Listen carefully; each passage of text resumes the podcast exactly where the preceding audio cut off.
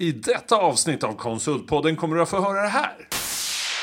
När vi jobbar med våra kunder. Man får en grundutbildning så man ska känna sig trygg. En basplatta att jobba på och sen så jobbar man ju tillsammans med teamet. Ut hos Det kunder. låter jättebra. För det där torrsimmandet och bara jobba internt och försöka utveckla. Det är bra att det finns en kund. Det är bra att man får debitera och det är bra att det, finns, att det är på riktigt. Annars så känns det som lite låtsas. Ja.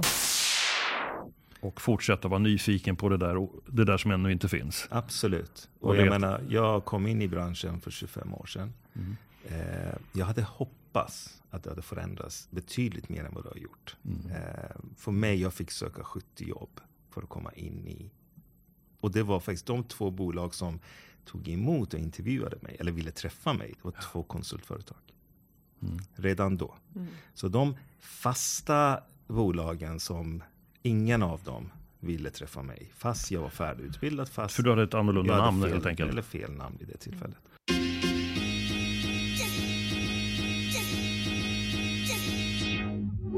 Konsultpodden, den största podden för dig i konsultbranschen. Med mig, Helena Torhage, Håkan Mild Svensson och Mattias Loxi. Bakom podden står Berotech och Synode. Okej Helena, Konsultpodden. Det är, igen. vi, det är vi idag Håkan. Det är vi idag. Vi saknar Mattias redan. Ja, det, det gör vi definitivt. Du brukar ju få säga hej här Mattias, men nu Ja, är du hemma sjuk. Ja, vi får hälsa till dig Mattias att du snart blir frisk. Jättespännande avsnitt idag. Jag, hade, jag är lite starstruck. Jag är lite rädd för auktoriteter. Om det här är en bra inledning på en bra podd, det får vi se. Men här sitter det liksom chefer på IBM. Ja, högsta till och med. Högsta cheferna. En för consulting i Sverige och en för hela IBM i Sverige. Ja, Känner du dig rädd nu? jag är lite rädd. Jag är lite rädd. Och det är Wahid Sohali som är då vd för hela IBM som är här idag. Och så har vi Anna Johansson som är ansvarig för consultingverksamheten och är ans- Sverigechef. Kallar vi det det? Ja, det tycker jag låter bra. Jättevälkomna. Tack. Tack. Ja, Tack. vad spännande att få höra er resa och vad ni jobbar med och vilka utmaningar ni har. Så försöker vi bara följa er tänker jag. Vad tänker du Helena? Ja, men jag tänker ungefär samma. Jag är ganska nyfiken på liksom, personerna Wahid och Anna. Eh, vill höra om dem. Men sen är också IBM för mig en ganska anonym stor eh, kloss. Och jag hoppas verkligen att det ska liksom bli mer nyanserat nu. Att jag ska få liksom veta mer om insidan också. Mm. Bara att ni är här och att jag ser er på riktigt känns ju som jag kommer ganska långt på den avanonymiseringen. Ja, jättebra.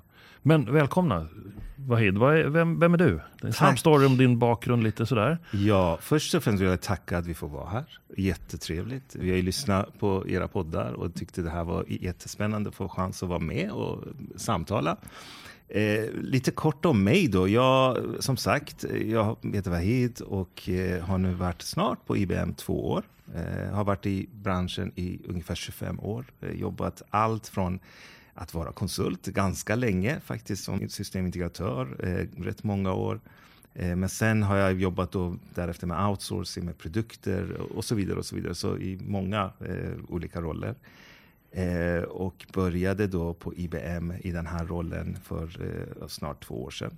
Eh, kort om mig som person. Jag en nyfiken person. Eh, jag gillar verkligen att lära mig nya saker hela tiden. Det känns som ju mer jag vet, desto mindre kan jag. Eh, på något sätt så vill man veta mer. Eh, jag har två barn eh, som spelar basket. Vi pratar om det kring Ja, jag är lite avundsjuk, jag vill också ha barn som spelar basket. Och sättet hur man kan få dit dem. börja dem genom kompisar är tricket. Ja, det var tryggt. Så att jag. Ehm, och eh, som sagt, eh, försöker att fylla mina dagar dels med att eh, ha, jobba nära mina kollegor och både ja, samtala och skapa nya saker och lära mig nya saker. Och sen försöker jag umgås med mina vänner och bekanta Mm. på fritiden och sporta lite då och då. Härligt. Lite lagom mycket. Vi kommer få lära oss ännu mer om dig tror jag Ja. snart. Och Anna, dig då? Vem är du? Ja, eh, Anna Johansson heter jag. Mm. Eh, har förmånen att få leda IBM Consulting i Sverige sedan ungefär ett år tillbaks. Jag har varit väsentligt mycket längre på IBM, eh, 20 år. Ja. Eh, hur kom jag in i konsultbranschen? Ja, jag började inte på IBM, men jag, alltså kanske lite tillfälle, tur, vilja tror jag man också måste ha. Men jag gick fem poäng affärssystem, hette en av de sista kurserna jag gick på universitetet. Då gjorde man studiebesök hos företag. Ehm, och jag var på ett av våra säga, största svenska bolag. Ehm, och de hade en internkonsultavdelning där jag började. Ehm, jag fastnade väl för det här med affärsutveckling men också problemlösningen och sånt där som jag har tagit med mig som jag tycker är Mm. som jag går igång på.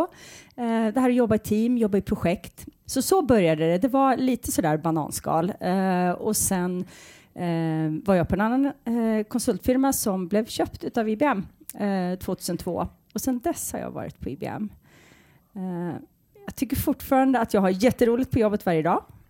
Det är fortfarande den där problemlösningen. Den kan ju vara lite olika. Ett tag var det jag gick igång på, jag var applikationskonsult och då kunde man konfigurera systemet och till slut fick man grönt ljus om man hade gjort rätt. Det var liksom en sån där kunde jag drömma om grönt ljus. Och idag kanske det är andra utmaningar. Det kan vara ja, men det här att sitta med teamet framför en, en vit tavla är det väl numera och whiteboarda och rita på en lösning, eh, springa till kunden och prata, fråga om dem om det här passar, komma tillbaka i rummet, ändra.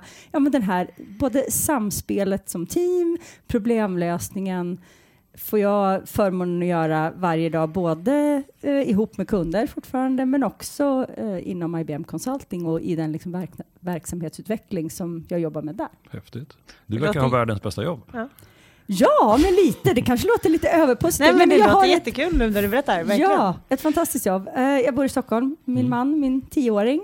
Eh, och vi, eh, ja, men vi, på helgerna åker vi till, jag säger stuga, som Mm. inte är från Stockholm, och min son som är uppväxt i Stockholm, han säger ju landställe.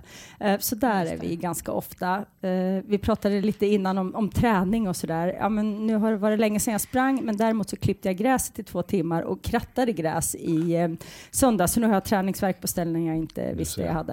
Mm. Men du, jag måste bara fråga, hur, hur kan man ens tänka tanken om affärsutveckling när man kommer direkt från skolan? Jag hade aldrig sådana tankar. Alltså att se... Tur att folk är lite olika va? Ja, jag men, det är därför jag vill försöka förstå. Vad är det som, hur, hur kan man ens ha den tanken när man är 23 eller vad man var och sa åh jag vill jobba med affärsutveckling. För mig var det så, det var så långt Ja. bort. Eh, Jag vet, och det kanske är en efterkonstruktion. Ordet kanske är en efterkonstruktion. Eh, Men jag tänker att man är... Jag har svårt att säga vad jag själv var. Däremot så kan jag säga att vi eh, på IBM har samarbetat bland annat med något som heter Tekniksprånget. Ja. Och där har vi haft eh, kollegor som har kommit till oss och de har inte gått ut universitetet, de är yngre än så. Och när vi pratar om saker, de får fria händer i att kanske ta tag i ett uppdrag och när de ska komma tillbaka och redovisa hur de tänker, tänker utforma det här, så tänker man så här, men gud, har de gått en projektledarkurs? Och det har de inte, men, men ja, Mm. Så där. det finns någonting där, fast man kanske inte, jag, hade, jag sa Nej. kanske inte affärsutveckling Nej, när men jag det har var blivit 25. det. Egentligen det du höll på med. Ja. Spännande. Jag blir så nyfiken på, på hur, när man kommer in på IBM helt utifrån, hur är det att liksom ta till sig hela det här? Har du fått känna hur, hur är kulturen? Det har varit pandemi under ganska stor del av din arbetstid, men, men har du lärt känna IBM? Ja, det kan man säga. Konstigt nog, jag håller med dig. Jag, jag började ju då och så var det någon, några veckor vi kunde vara på kontoret så jag fick lära känna en del.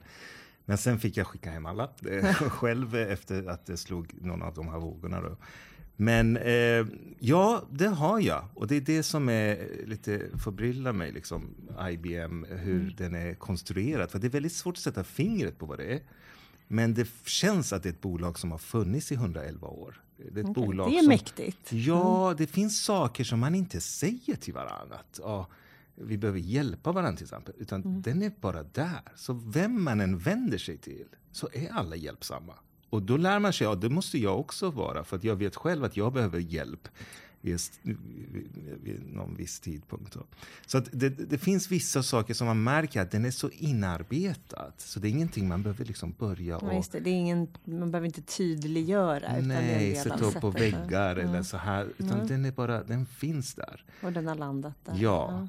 Eh, och just det här att man är professionell i det man gör. Man gör inte saker halvt, utan man gör allting.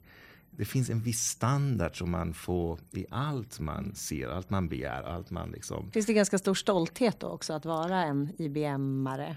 Ja, men det är ju det. Va? Och det, är ing, det var ingenting jag egentligen läste innan jag började. Jag visste ju om IBM. Det är klart, IBM har ju varit moderskeppet liksom, i vår industri. Det är de som skapar i princip allt. Så det är klart, när de ringer en, då blir man ju... Det är klart. Då säger man ja. Ja, det är faktiskt så.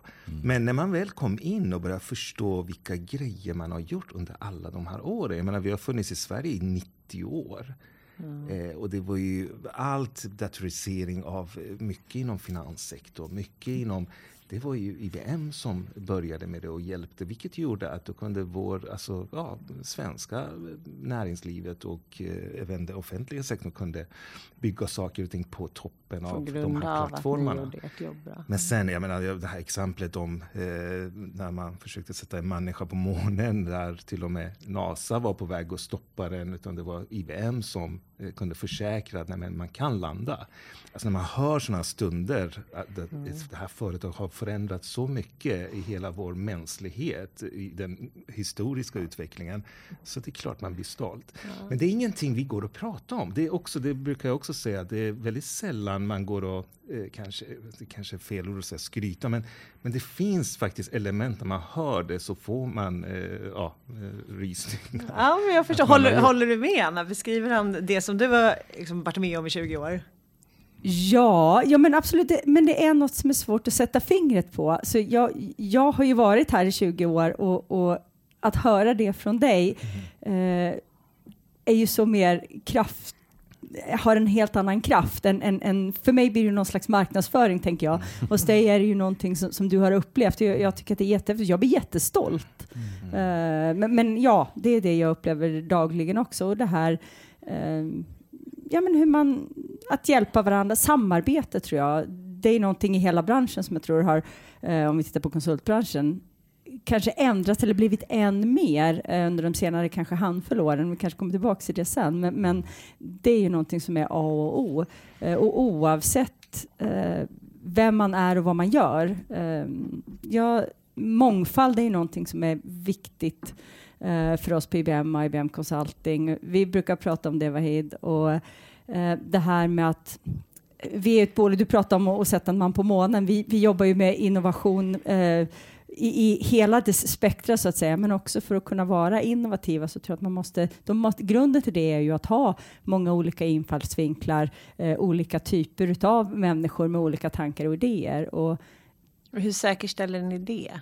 du brukar säga, Vahid, tycker jag, prata om utbildningen. Alltså en sak är ju någonting som finns där och som inte går att ta på, men sen finns det ju faktiskt, vi jobbar ganska mycket konkret med utbildning och medvetandegörande. För vi har ju alla åsikter och, och tankar som vi kanske inte tänker på. Eh, sen ibland så behöver man medvetet kanske titta på det där. Eh, jag brukar säga det, vi pratade om det förra veckan tror jag Vahid, eh, eh, när vi träffades i ett annat sammanhang. Ett av mina allra roligaste projekt, och det är inte så länge sedan heller, eh, då, då hade vi ganska mycket diskussion om hur vi skulle liksom bemanna det här uppdraget. Eh, men där jag har haft som allra roligast, eh, och jag tror att vi åstadkom saker som ingen av oss från början trodde att vi skulle göra. Eh, vi var inget jätteteam, men där vi liksom, och där var det från början kanske inte medvetet, men blev medvetet sen i dialoger vi hade runt det här. Vi var tjejer och killar, män och kvinnor, vi var från 25 till ja, runt 60 i ålder. Eh, vi hade djupt tekniska arkitekter, utvecklare, vi hade UX-designers, eh, folk som jobbade med processförändring och, och, och förändringsledning och, och liksom det vi åstadkom. Och det är såna, ja, men man har några sådana där liksom, eh, det bästa man har. Och, och det, eh, det visar ju på något sätt, man kan prata, man kan liksom dra fram, det finns ju massor med statistik om varför mångfald är viktigt, men, men det är ju alltid ens egna Man behöver upplevelse. känna det eh, också. Tror jag. Ja, Man- det, är nog väl, det där måste ju vara den nyttigaste skolan, att ingå i ett sådant projekt och märka att det blir bättre. Och man kunde lyssna på varandra och så vidare och ha den här tryggheten man behöver. Jag lyssnade på dig Jahid på din eh, podd som du var nyligen och där du berättade om det här att eh, ska man titta på ett fotbollslag så om du ska titta på dem som är i toppen, i världstoppen idag så är den bemanningen inte från samma bakgård utan de är handplockade från hela jordklotet för att överhuvudtaget kunna vinna den här Champions League. Och det är lite så man då kan tolka att du pratar om Anna, att eh, genom att ha förmånen att kunna samla så många duktiga människor från olika kulturer med olika inriktningar och i olika perspektiv så blir det förmodligen bättre.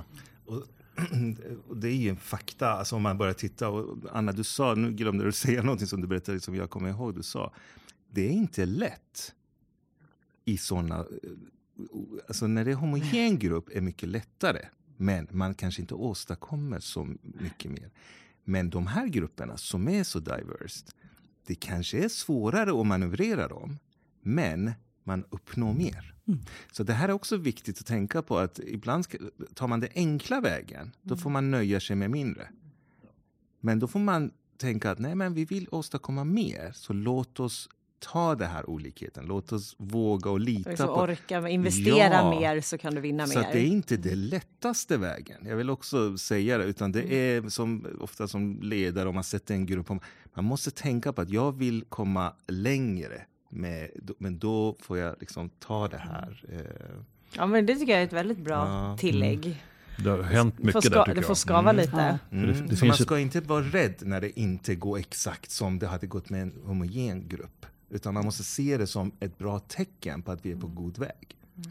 Ja men såklart. Ja så där är det verkligen. Pratar jag med mina bästa kompisar så tycker vi lika i allt. Det går ju hur snabbt som helst att bestämma saker. Eh, och då motsatsen är det Ja, ni precis. beskriver. Det fanns en grupp som hette Hundramannagruppen, eller Hundragruppen i Sveriges industrivärld, som egentligen bestod av en klick människor, oftast män, som på något sätt kliade varandra bakom ryggen och såg till att man fick de bästa positionerna på alla industriföretag i Sverige. Liksom att det var en liten inre krets. Det låter farligt och det låter väldigt gammaldags idag, tänker jag. När ni, vi, vi vurmar ju för, för det andra, som är, som är mångfald. Men den där lilla gruppen då, när de jobbade ihop så gick det ju jättelätt. Men för, för mig låter det som att den gruppen kan inte åstadkomma så mycket förändring. Utan Nej. de är lite mer nöjda i Förvaltar, nuläget. förvaltarläget tror jag. Och Ja. just nu så behöver vi förändra helt sjukt många Ja, olika aspekter av samhället. Men jag tänker, Anna, det man eh, behöver. IBM Consulting. Kan du inte, finns det några fem fakta? Sådär? Vad, vad är, hur många är ni? Branschen är i? Och lite för vi vet ju för lite. Om, om Ja. det. ja. Oj, eh, ja utan att sälja för mycket. Vi är 140 000 konsulter världen över. Shit. Så där kan man ju säga att vi är jättestora. Men ni i Sverige då? Eh, Vi håller oss till Sverige nu då. Är, Vi är, jag brukar säga att vi är inte jättestora svenskt anställda, sen så beror det på hur man räknar. mm. Vi har ungefär eh, 200 drygt konsulter eh, i den huvudorganisation som jag har. Mm. Sen har vi vad vi kallar för Client Innovation Center, vilket är, vilket är ett systerbolag till oss som är säkert 100 till. Mm. Sen, någonting som jag tycker är kul med IBM Consulting, eh, det är att vi också under senaste par åren har gjort ett antal uppköp eh, globalt utav eh, konsultbolag. Eh, och i Norden då, kanske främst, så kanske man känner igen Nordcloud som är ett eh, IBM-ägt bolag som också eh, har ett antal konsulter som tillhör vår verksamhet. Proffs på att flytta, eh, flytta saker till molnet, helt enkelt, Ja, så ja, ja. som deras namn säger. Sen brukar jag säga det, sen kan man ta det där ungefär gånger fem med hur många vi är som levererar till, till eh, kunder eh, i Sverige. Och det är väl det som är det där intressanta men också komplexa med, Mm. med IBM och IBM Consulting. Att vi är lokala men ändå globala. Ehm, att Finns, finns ni över hela Sverige? vi finns i Sundsvall, Stockholm, Göteborg, Helsingborg och Malmö. Glömde du inte någon nu? Nej, jag skojar. Ja, precis. Du säger det. Det här var bara Nej. ett test. Trick question. Ni pratar också om den, den här slogan jag har, Let's create. Hur är den? Mm. Ja, Wahid, vad står det för? Eh, Let's- let's create, det, det är vårt sätt att se på, eh, precis som eh, Anna var inne på tidigare. Det, någon gång också lärde jag mig, det finns inga nya idéer kvar. Utan skapa nya idéer, det är att man tar två existerande idéer som ja, eh, Ja. Ja, robotgräsklippare eller tändstickor eller eh, elbil. Eller, det, är alltid, det, det, blir, det är alltid kombination av två saker som skapar nytt. Eh, och det är precis det med Let's Create. Så för oss handlar det om att nu måste vi kombinera ihop eh, våra idéer och tankar och skapa nya saker tillsammans med våra, oss själva, våra kunder, våra partners och så vidare. Så hela det här slogan Let's Create är någonting som vi ser att det finns enorma kraft bakom den teknologi och den kunskap vi sitter med. Men vi måste göra det här tillsammans med andra. Ja. Så vi bjuder in alla för att kunna göra det här. Och det är precis den tiden. Det är, vi vill flytta oss från den här frågan att kan man göra det här med teknik? Vi vill eh, ha frågan vad vill vi göra med teknik? Och det är väldigt stor skillnad från vad det Det är ett annat perspektiv Det helt är enkelt. otroligt skillnad. Eh, Hittills har vi försökt att bara kopiera det vi har haft med hjälp av teknik. Men tanken är vad vill vi göra med teknik? Precis. Är det här likadant över hela IBM, över hela världen? Eller är det här en svensk företeelse? Över hela världen. Skiljer sig IBM i Sverige från resterande världen? Eller känner ni att det är samma? Och har, har vi samma bild av IBM i Sverige Mm. som i USA? Jag tror att det är ett starkare varumärke kanske i Absolut, det är lite olika. Jag menar, vi finns i 170 länder. Så att vi, och det är otroligt svårt att sätta en strategi som funkar för 170 länder. Vilket gör att eh, vårt jobb eh, i ledningsgruppen är att skapa en, eh, en svensk IBM. Ja, Och tack och lov, det här är ingen ny bransch som vi skapar. Det har ju funnits i Sverige i 90 år. Vi, vi, är, vi, har, ja, vi har varit sponsorer tillsammans och jobbat samarbete med Vasaloppet i över 50 år. Alltså, så det är så otroligt insatt i den svenska liksom, kulturen. Eh, vilket gör att vi anpassar självklart det IBMs styrka. Men däremot, vad kan det bidra i Sverige? Så för mig är det så att jag menar, IBM har vunnit patentligan i 28 år i rad med 9000 patent per år. Eh, Den som kommer tvåa och trea, vilket är de absolut coolaste brand, jag vill inte nämna dem, men de har runt 2000 patent per år. Vi har 9000 varje år i 28 det är år.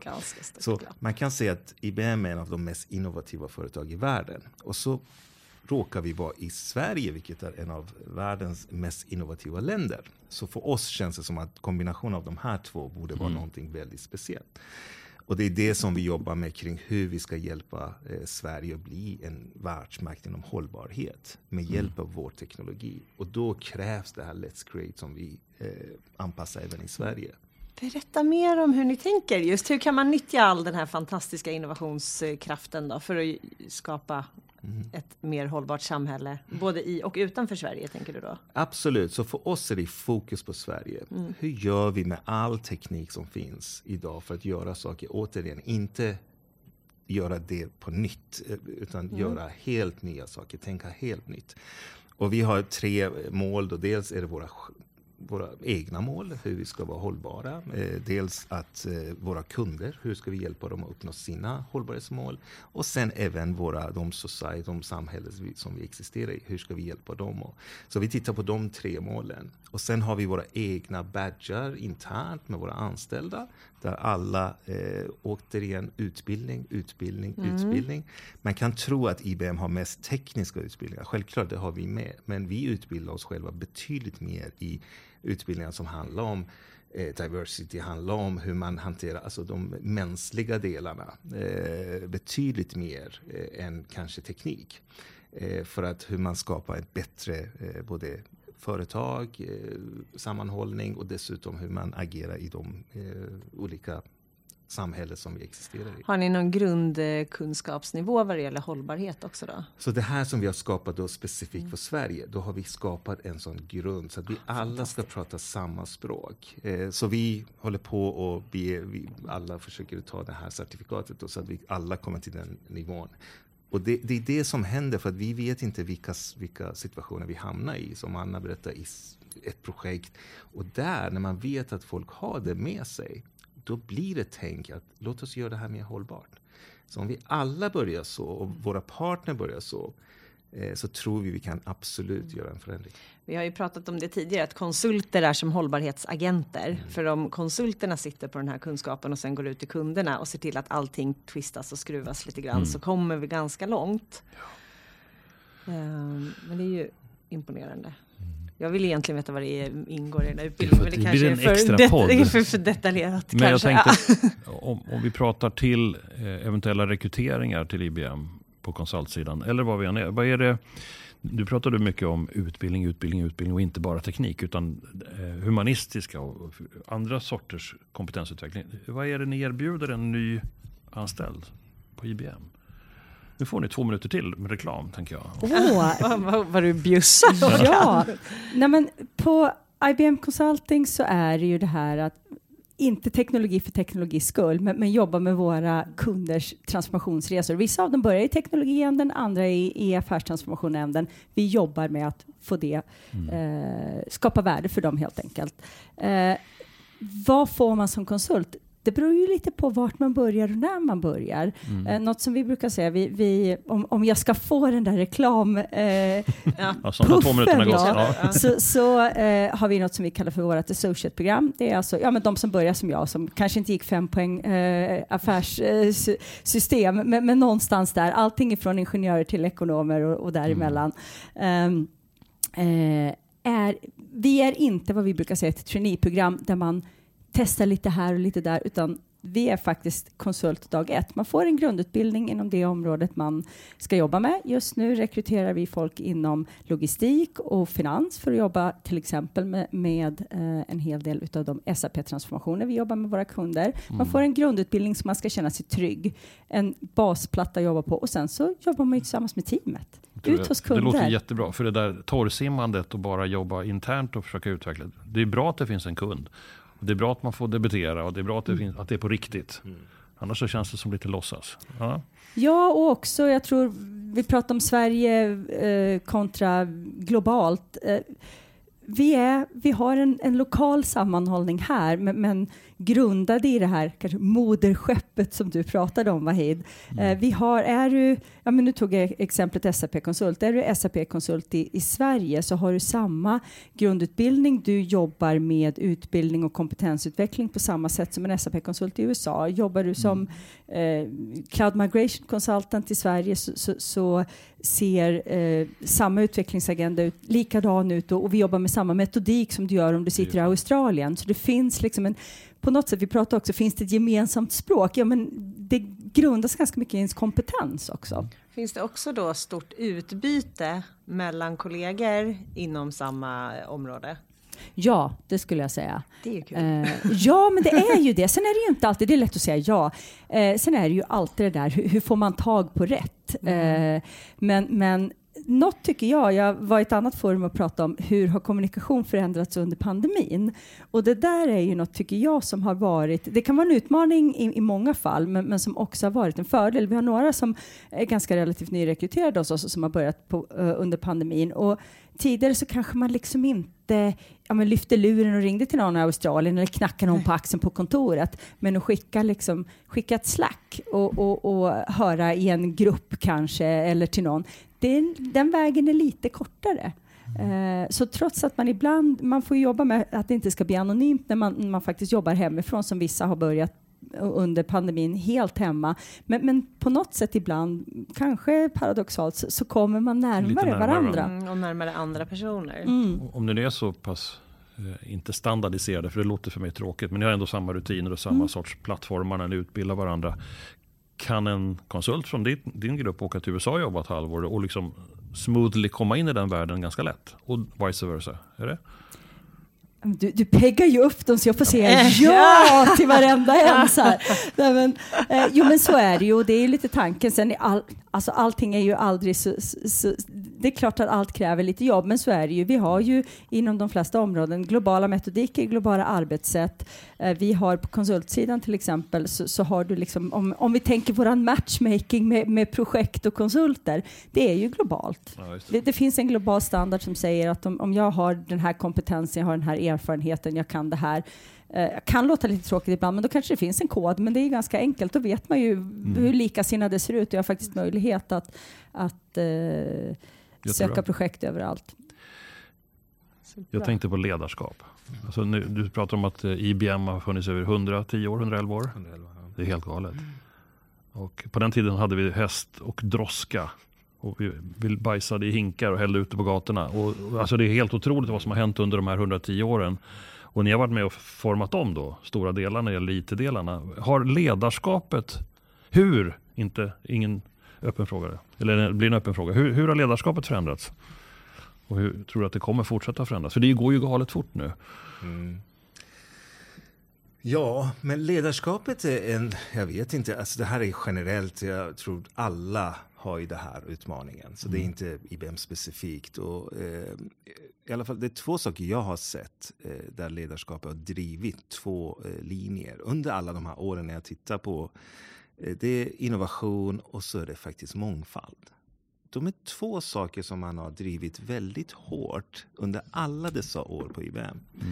Eh, och det är lustigt för att någonstans som ledare så har du egentligen inte särskilt mycket att leka med. Alltså det är ju så. Som ledare du har egentligen bara dig själv. Som du kan kommunicera, du kan eh, sprida energi, du kan eh, fatta beslut och så vidare. Och sen har du ditt team. Ehm, och det här med mångfald spelar ju väldigt stor roll. För att du kan bara bygga ett team som du kan lita på. Som kan vara ute och skapa och eh, förändra och så vidare. Eh, Så jag tycker de här frågorna som har funnits på IBM, jag tror det blir mer och mer aktuellt för hela branschen. För, för alla. Eh, Och särskilt för oss i Sverige. Vi har ju 0,13 procent av världens befolkning. Och så ska vi konkurrera med länder och med företag som har miljarder av människor. Så att då får man liksom verkligen börja titta på den här ekvationen. Att eh, vågar vi liksom, ja, eh, flytta eller ta bort hälften av befolkningen när vi gör rekrytering eller de större minoriteterna. Det har vi inte Det har med. vi inte. Vilket gör att man måste börja tänka om. Jag tror vi, ledarskapet börjar komma till sin rätta. Att jag ska inte leda för att jag har sett hur det har varit förut. Jag ska leda för att kunna eh, Hantera framtiden. hantera framtiden. Kunna skapa framtiden. Men, men ändå, är- förlåt, det är ändå så att i Sverige har vi väl ändå förvånande väl fungerande företag. Trots att vi är 0,13 procent av hela jordens befolkning. Mm. Det är rätt många fantastiska företag som vi har klarat av. Så det finns ju någonting som Mm. vi har klarat av. Och nu med globaliseringen så uppstår ju, uppstår ju ännu större möjligheter och Mm. eventuella hot. Eller vad man ska säga, marknaden blir större och konkurrensen ökar. Men Mm. du menar då att, att jobba mycket mer med mångfald Mm. och fortsätta vara nyfiken på det där, det där som ännu inte finns. Absolut. Och Och jag menar, jag kom in i branschen för 25 år sedan. Mm. Eh, jag hade hoppats att det hade förändrats betydligt mer än vad det har gjort. Mm. Eh, för mig, jag fick söka 70 jobb för att komma in i... Och det var faktiskt de två bolag som tog emot och intervjuade mig, eller ville träffa mig. Det var två konsultföretag. Mm. Redan då. Så de fasta bolagen som ingen av dem ville träffa mig. Fast jag var färdigutbildad. Fast För du hade ett annorlunda namn fel, helt enkelt. Eller fel namn vid det tillfället. Och det är ganska spännande, för jag vill också påpeka det här att det är eh, just konsultfirmorna, de ligger ett snäpp Mm. närmare verkligheten och vet vad eh, konkurrensen handlar om. Än kanske ett företag som konkurrerar i andra området. Det här med resurser är inte viktigt, utan det är liksom själva produkten och lösningen. Ja, det är bra. Så, att, eh, så jag tycker man har mycket att lära sig av just konsultbranschen. Mm. Ehm, Den, den får väl vi ta till oss då i konsultpodden. Att, att vi kanske är med och hjälper till lite mer där Mm. i vår bransch. Då. Man vågar ta mer risker Mm. för att kunna eh, hantera det eh, utåt. Men hur ska vi göra för att bli ännu bättre på att ta tillvara på kompetensen som finns här? För där åker ju folk ut, inte bara för fel namn, men också kanske för att de är engelsktalande eller Mm. någonting annat. Vad, vad tänker ni båda om, om det? Vi behöver ju precis all kompetens vi kan få. Mm.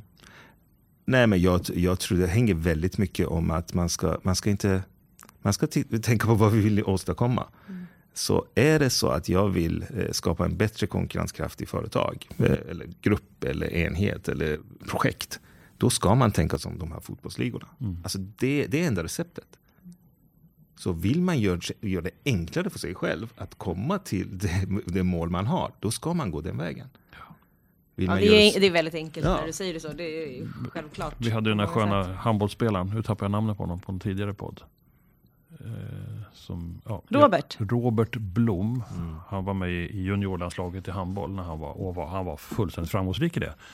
Och han driver ju konsultverksamhet nu. Och han, är- han, är, han är väldigt enkel på det sättet. Okej, vill du vara med i OS-laget? Då får du börja träna. Och passar du inte där så får du nog inte vara med. Alltså, det är ju inte så svenskt. Eller det är inte så väldigt nära mig kanske jag ska säga. För det finns, när du pratar om de här eh, fotbolls... Man väljer ut de bästa och tränaren blir kickad efter tre dåliga matcher. Det är, liksom, det är ganska hård kultur. Det skapar ett utanförskap om man inte är tillräckligt duktig. Men då har man ju bestämt sig att man vill vinna VM-guld också. Det, det kostar lite att vara där i den branschen. Eh, Ser ni några risker i det här? I den här svenska modellen där vi ska ta hand om alla hela tiden. Jag vill bara säga, Ja. ena behöver inte utesluta det andra. Nej. Det här är bara plus. Vi behöver inte tappa den. eh, Du behöver inte kasta ut nej, någon, Det, nej. Mm. svenska ledarskapet är faktiskt unikt i hela världen. Och jag har personligen lärt mig otroligt mycket av det. Mm. Den ska man behålla. Men sen behöver man, sen behöver man lägga till nya saker. Eh, då får man det ännu vassare. Mm. Det är det som är... Ja, det är bra. Och så här, det är ju inte lätt alltid som vi, jag tror vi sa det tidigare här och, och ytterligare liksom en idrottsanekdot. Jag hade en tränare en gång som sa men det är ganska enkelt, det man vill bli bra på måste man ju träna på. Och då måste vi kanske träna på det här med, med att tänka till. Det är inte de lätta besluten som ledare utan det är ju liksom de svåra besluten. Um, ska vi referera, liksom, en, en IBM-referens är våran tidigare globala VD uh, Ginny Rometty. Hon ledde våran globala uh, konsultverksamhet också. Hon sa alltid growth and comfort do not coexist. Growth and comfort do not coexist. Och så är det ju. Eh, det är ju inte enkelt, men om man tittar tillbaks i sig själv så är det väl kanske när det har varit som jobbigast därefter som man inser att man har lärt sig. Så vi måste ju jobba, vi, vi Verkligen. måste träna för att kunna Verkligen. bli bra. Verkligen. Ja, men det är bra. Och längs den vägen när man går så är det otroligt lätt att man kommer vilse. För att det här är, man tar steg utanför sin komfortzon, man, tar, man får alla i sitt team att göra det. Då är det å, återigen viktigt med värderingar. Ja. Så att man håller sig till de värderingar man håller sig till. Ja. Ja, men apropå ledarskap, du har ju fått utmärkelse för att vara en väldigt duktig ledare. Och om man eh, tittar på de som är kanske lite nyare in i en ledarroll i konsultbranschen. Jag gissar på att du har något bra tips eller något råd som de skulle kunna ta till sig. Vad, vad tänker du är viktigt, förutom det vi redan pratar om? Ja, första gången jag blev konsultchef, det var ju så att jag fick en grupp av mina kompisar. Ja, så jag blev deras chef plötsligt. eh, Från att Fick du ändå följa med på öl? Jag vet, det var så otroligt. Det var ju precis det. Men eh, faktiskt, vi skapade en extrem häftig grupp. Eh, för de visste vem jag var. De visste vad... Men jag försöker liksom tänka på den första konsultchefsrollen jag hade. Vad hade jag velat veta? Ja men exakt, Och bra. det jag kan säga det är framför allt att försöka vara sig själv. Anledningen man har fått den chansen, det är för att vad man har, vem man är. Men jag kommer ihåg plötsligt när jag fick den rollen, då skulle jag från måndag börja vara någon annan. Ja, just det, sätta på dig lite finare kläder Ja, kanske. men alltså kläder är en sak, men alltså hur gör man? Hur ska man eh, vara som eh, chef? Och så börjar jag liksom nästan tappa det. Man ska utan försöka vara dig själv, bara utveckla i andra delar. Och, ja, så det skulle vara min absolut... Det är ju faktiskt väldigt bra och väldigt lugnande och Ja. skönt. Ja. Att man inte behöver göra sig till så mycket mer för att man Nej. har fått en ny titel. Rätt hade aldrig fått det annars om man inte var rätt. Så är det. Ja, precis. Jag inledde ju den här podden med att, att jag var både starstruck och nervös för att få träffa chefer. Men i det här någonstans så får man en känsla av att ni är också helt vanliga människor. Eh, och, och det är väl det du egentligen ger uttryck för, att ledarskapet är, du är en vanlig skön kille. Tack för det, det gör min, min dag lite lättare. Och det är väl så man ska vara som ledare, man ska vara trygg i sig själv då. Eh, får man bara backa tillbaka 25 år, en kort, bara en kort stund. För det, jag lä- lyssnade in på ditt samtal du hade nyligen där du berättade att det, är, det var inte lätt att komma in till Sverige. Och du berörde det lite lätt här nu att du hade sökt 70 jobb och två fick du komma på. Mm, mm. Eh, Min första fråga är, du kommer från Iran från början. Vad var det som gjorde att du valde Sverige? Det var faktiskt inte jag som valde, det var Nej. mina föräldrar. Ah, okej. Eh, och då fanns det två länder som man kunde fly till. Och det var Sverige och så var det Kanada. Eh, mina föräldrar var väldigt bestämda om Sverige. För att de tyckte Sverige förmodligen det enda mest demokratiska landet i världen. Så det var deras syn. Eh, Vilket är otroligt häftigt att ja, eh, de gjorde det. Kanada var ju enklare för att de pratade engelska, och, fast det var lite längre bort. Men de var bestämda, så det var därför jag hamnade Ja, i du Sverige. Det är en fin bild av Sverige då som i alla fall för 25 år sedan gällde. Mm. Det tycker jag är lite härligt. Mm, det. Men du, du hanterade den här in, inresan till Sverige genom att fortsätta leta jobb och så kom du till slut in i konsultbranschen. Ja, nej men så var det. Så jag var ju hela tiden orolig om att om jag kommer att få ett jobb, fast jag har nu tagit massa studielån och så vidare. Så jag hade hela tiden två, tre andra jobb på sidan om. För att om jag inte får komma in. Eh, jag vet, och det är en av anledningarna jag försöker träffa ungdomar idag som är i min situation. Det är för att om någon som mig ställde sig framför mig då och sa bara, bara plugga. Bara gör ditt bästa på det, så kommer du komma in. Det hade lugnat mig så otroligt mycket. precis. Eh, men nu var jag tvungen att hela tiden ha den här ångesten om det kommer Ja, eller inte. Eh, ja. Men sen när man kom in, så jag kommer ihåg, jag var, sa upp allt annat jag hade. Jag hade till och med egen firma och så här, vi hade byggt. Men det la jag ner, så nu ska jag gå in all in på det här. 100%, Så mina ja. kompisar bara, kommer inte se dig längre. Jag bara, nej, i princip Ja, inte. jag, du kan vara anställd under mig. Ja, nej, så det var... Ja, Du sa också något fint tycker jag där att, att, eh, att det är svårt att komma in i Sverige.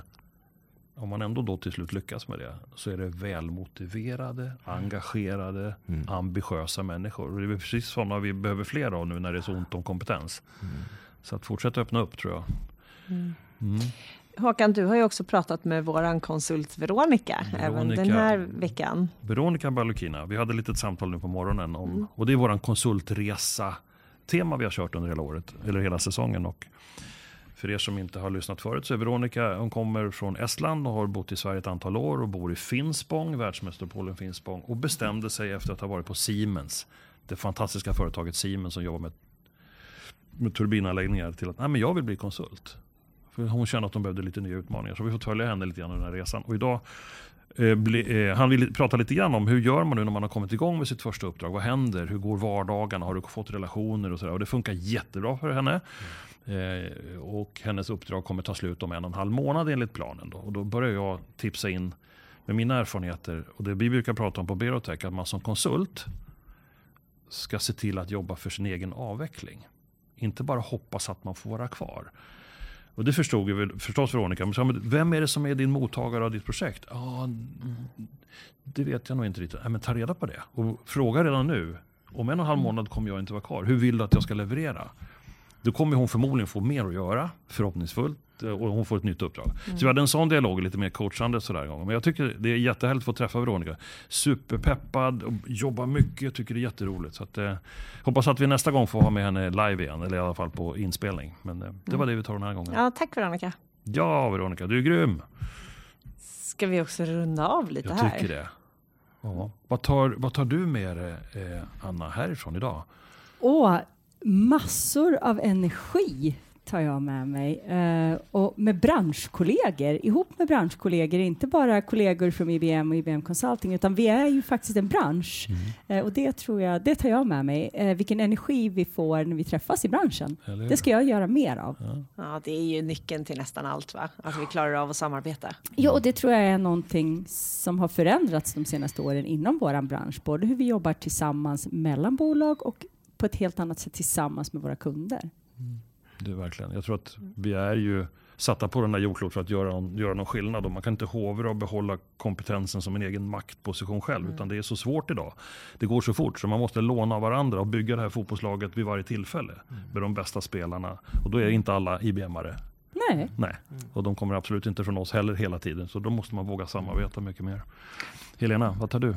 Det var ju väldigt eh, bra sagt Anna. Jag tycker också att det här är eh, energifullt och jag tycker att det är jätteskönt att lyssna på er. Men, men eh, det här sista tipset är ju väldigt bra. Så här, var dig själv i alla situationer. Det kommer leda längst.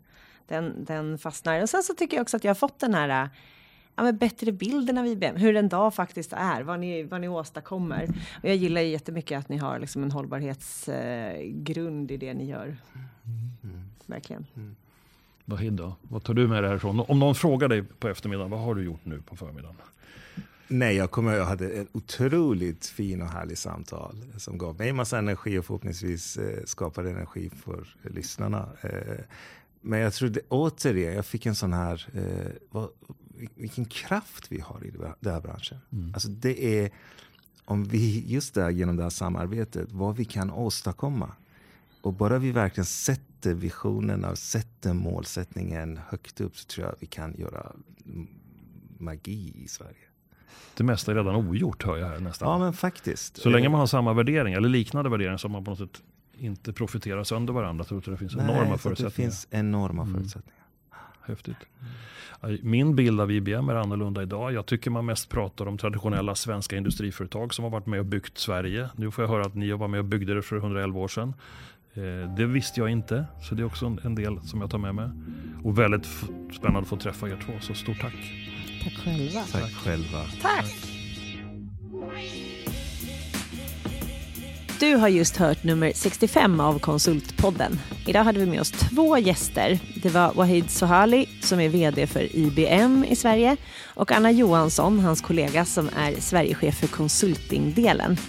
I studion var jag, Helena Torhage och Håkan Mild Svensson. Och studion är som alltid på Septemberfilm.